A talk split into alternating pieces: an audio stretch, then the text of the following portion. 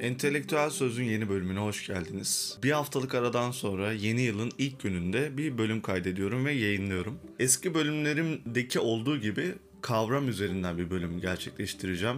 İlk bölümlerimde bakarsanız eğer genel olarak e, dikkat çekici bilinmeyen, toplumda çok bilinen ama tam anlamının ne olduğunu bilinmeyen kavramları kısaca açıklayarak ilerliyordum. Son zamanlarda belli insanlar üzerinde bölümler gerçekleştirdiğimi görünce yine bu eski e, alışkanlıklarımı devam ettirmek istedim ve bugün hayatımızda çok duyduğumuz bir kavram olan plasebo etkisi üzerinden gideceğim. Plasebo gerçek bir tedavi gibi görünen ama gerçek olmayan her şeye denir. Hap, iğne veya başka bir tür sahte tedavi olabilir. Tüm plaseboların ortak noktası sağlığı etkileyecek aktif bir madde içermemesidir. Bazen bir kişi plaseboya tepki verebilir, yanıt olumlu veya olumsuz olabilir. Örneğin kişinin semptomları iyileşebilir veya kişi tedavinin yan etkileri gibi görünen şeylere sahip olabilir. Bu tepkiler plasebo etkisi olarak bilinmekte.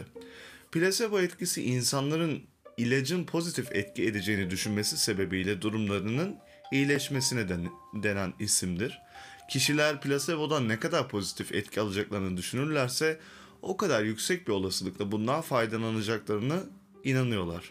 Örneğin 2. Dünya Savaşı sırasında yaralı Amerikan askerlerini tedavi eden ve elindeki ağrı kesici morfin tükenen Henry Baker, umutsuzluğa kapılarak askerlere morfin verdiğini söyleyip salin yani tuzlu su solüsyonu vermeye başlamıştır. Kendilerine tuzlu su verilen askerlerin %40'ı bu tedavi sayesinde ağrılarının dindiğini belirtmiştir. Bu etkinin gücünü göstermektedir. Plasebo etkisinin nasıl çalıştığı hala bilinmese de endorfin ve dopamin gibi iyi hissettiren nörotransmitterlerdeki artışlardan ruh halleri, duygusal tepkiler ve öz farkındalıkla bağlantılı belirli beyin bölgelerindeki aktivitenin artmasına kadar birçok şeyi içeren karmaşık bir nörobiyolojik reaksiyon dizisinin bu etkiyi sağladığı düşünülmektedir.